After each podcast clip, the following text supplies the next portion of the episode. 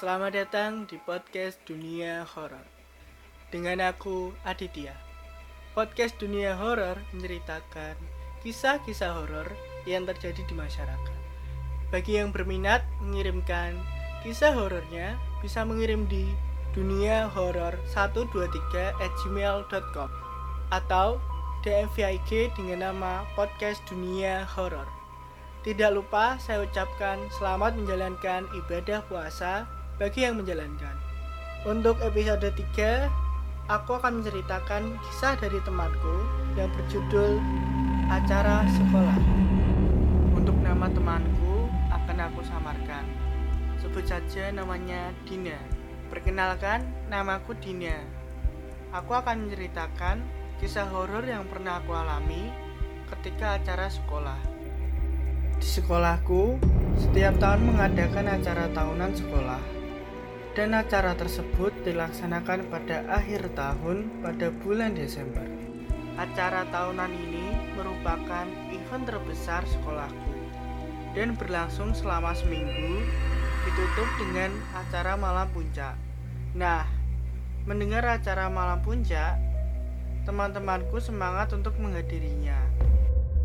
Tetapi, tempat diadakan acara itu cukup jauh dari rumahku dan teman-temanku. Lalu, salah satu temanku memberikan usulan agar kami memesan hotel yang dekat dengan tempat acara tersebut. Dan teman-temanku semuanya setuju. Kami pun mulai mencari hotel yang terbilang murah dan dekat dengan tempat tersebut. Lalu, temanku sudah dapat hotel yang sangat murah dari hotel yang lainnya. Hotel ini cukup unik. Hanya ada 15 kamar, lalu letaknya di pinggir danau yang tidak terlalu besar. Aku dan teman-temanku ada 9 orang. Dari kami hanya memesan dua kamar. Dan kami hanya semalam di situ. Acara itu berlangsung pada malam minggu dan kami datang ke hotel itu di sore hari. Jadi, temanku yang bernama Sabi ini datang terlebih dahulu karena yang lainnya masih ada keperluan. Jadi, kami dapat kamar nomor 6 dan 8. Agak bingung dong, kenapa nggak sebelahan aja. Terus, teman aku ini datangnya sama bapak dan adiknya. Dan teman aku masuk ke kamar nomor 8. Dia bilang aku dan temanku berenam, kami di kamar nomor 8, dan sisanya di nomor 6. Pemandangan hotel ini sangat bagus. Di belakang kamar dibatasi dengan kaca dan bisa langsung melihat danau. Di situ benar-benar aku gelisah banget. Terus aku tanya ke temen aku yang datang pertama ke sini Kenapa nggak sebelah aja kamarnya? Terus, kata temenku, udah ada orangnya, tapi yang kami lihat seperti nggak ada orangnya. Dan lampunya juga mati. Terus, temanku ngajak foto. Ya udah foto dong belakangnya kaca. Dan langsung kelihatan danaunya. Kami foto pas sudah mau berangkat ke acara. Dan tiba-tiba aku nggak sengaja lihat ke belakang ke arah kaca dan aku lihat ada cowok di situ gak terlalu jelas sih pas aku buka itu kacanya ternyata nggak ada siapa-siapa terus perasaan aku langsung gak enak aku nggak bilang dulu ke temanku kalau aku lihat itu dan kami langsung berangkat ke acara nah pas mau keluar dari kamar menuju mobil aku lihat lagi cowok itu lagi jalan mau menghampiri dan aku langsung lari ke arah mobil. Di mobil, aku langsung ceritain apa yang aku rasain. Ternyata aku nggak sendiri. Teman aku juga ngerasain hal yang sama. Temanku bilang hawanya nggak enak. Terus temen aku yang pertama datang ini bilang dia juga melihat ada cowok pas di kamar. Tapi temanku yang lain nggak lihat. Temanku langsung menelepon kami untuk segera datang. Terus, temen aku mau ke toilet, mau buang air kecil.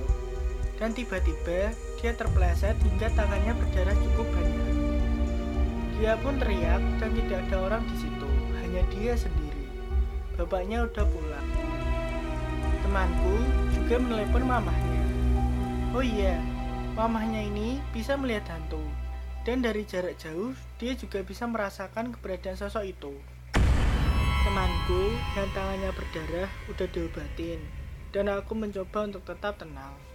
Nah, dia video call sama mamahnya. Dan mamahnya bilang kalau masuk ke tempat baru itu ucapin salam.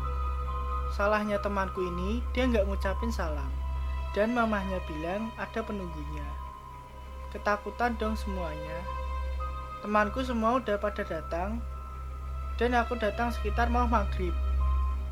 Pertama, aku masuk ke kamar nomor 6 dan biasa aja sih perasaanku. Terus, temanku suruh pindah ke kamar nomor 8. Aku pun pindah dan tiba-tiba hawanya berbeda. Perasaanku langsung gak tenang gitu. Hawanya bener-bener gak enak. Beda sama kamar nomor 6. Terus, temanku yang pertama datang, ini cerita kalau mamanya bilang kami harus jaga diri di sana dan jangan ngelakuin aneh-aneh.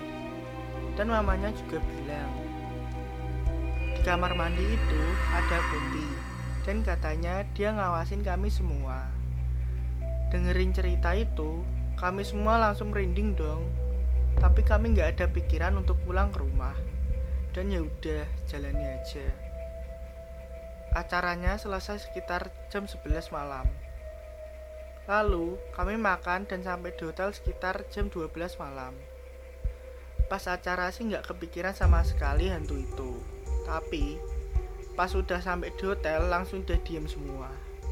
Temanku yang di kamar nomor 6 biasa aja, nggak ada hal yang aneh-aneh. Kami mencoba untuk nggak takut.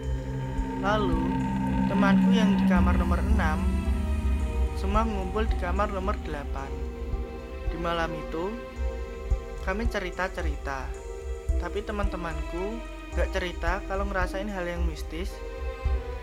Jadi kayak biasa aja gitu, karena takut kalau cerita ntar hantu itu malah nunjukin. Kami cerita cukup lama, dan kami tidur sekitar pukul 3 pagi. Mau tidur gitu rasanya gak tenang, kayak ada yang ngeliatin. Terus, kami bangun sekitar pukul 5 pagi, lalu kami semua sholat subuh. Habis sholat, kami ngumpul-ngumpul, cerita lagi. Dan kami nggak akan ada yang berani mandi di kamar itu.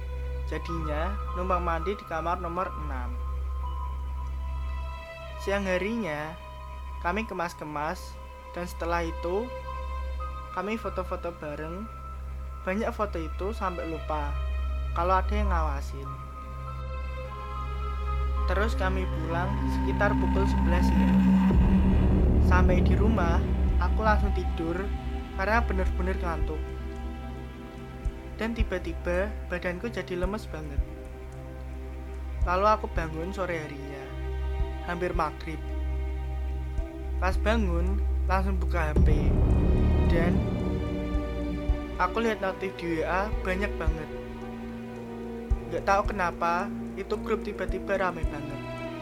Dan ternyata teman-temanku bahas hantu yang ada di hotel. Jadi, temanku kan ada yang bikin video gitu pas di hotel. Pas dilihat lagi, dan ternyata semua video ada penampakannya. Dan di foto kami juga ada. Ada satu video yang begitu jelas bener-bener jelas banget rambutnya panjang perinding lihat ya jadi kami ada foto rame-rame terus belakangnya kaca dan di kaca itu dia ngikut dong. Asli serem banget. Padahal fotonya bagus-bagus. Jadi dihapus foto semua itu. Terus temanku kan pada takut kalau hantu itu ngikut. Jadi temanku nanya ke anak indigo ini dia ngikut atau enggak? Karena salah satu temanku sering banget ketindihan jadinya takut ntar dia ngikut pula pas ditanya terus katanya nggak ada yang ikut kok aman aja awalnya pengen seneng-seneng malah jadi serem baru kali ini sih ngerasain kayak gini jadiin pengalaman aja. Kalau nyari hotel, jangan yang murah-murah. Dan dilihat dulu kondisinya. Sekian cerita dari teman saya. Kurang lebihnya, saya mohon maaf. Jangan lupa untuk mengikuti podcast Dunia Horor. Sekian, terima kasih.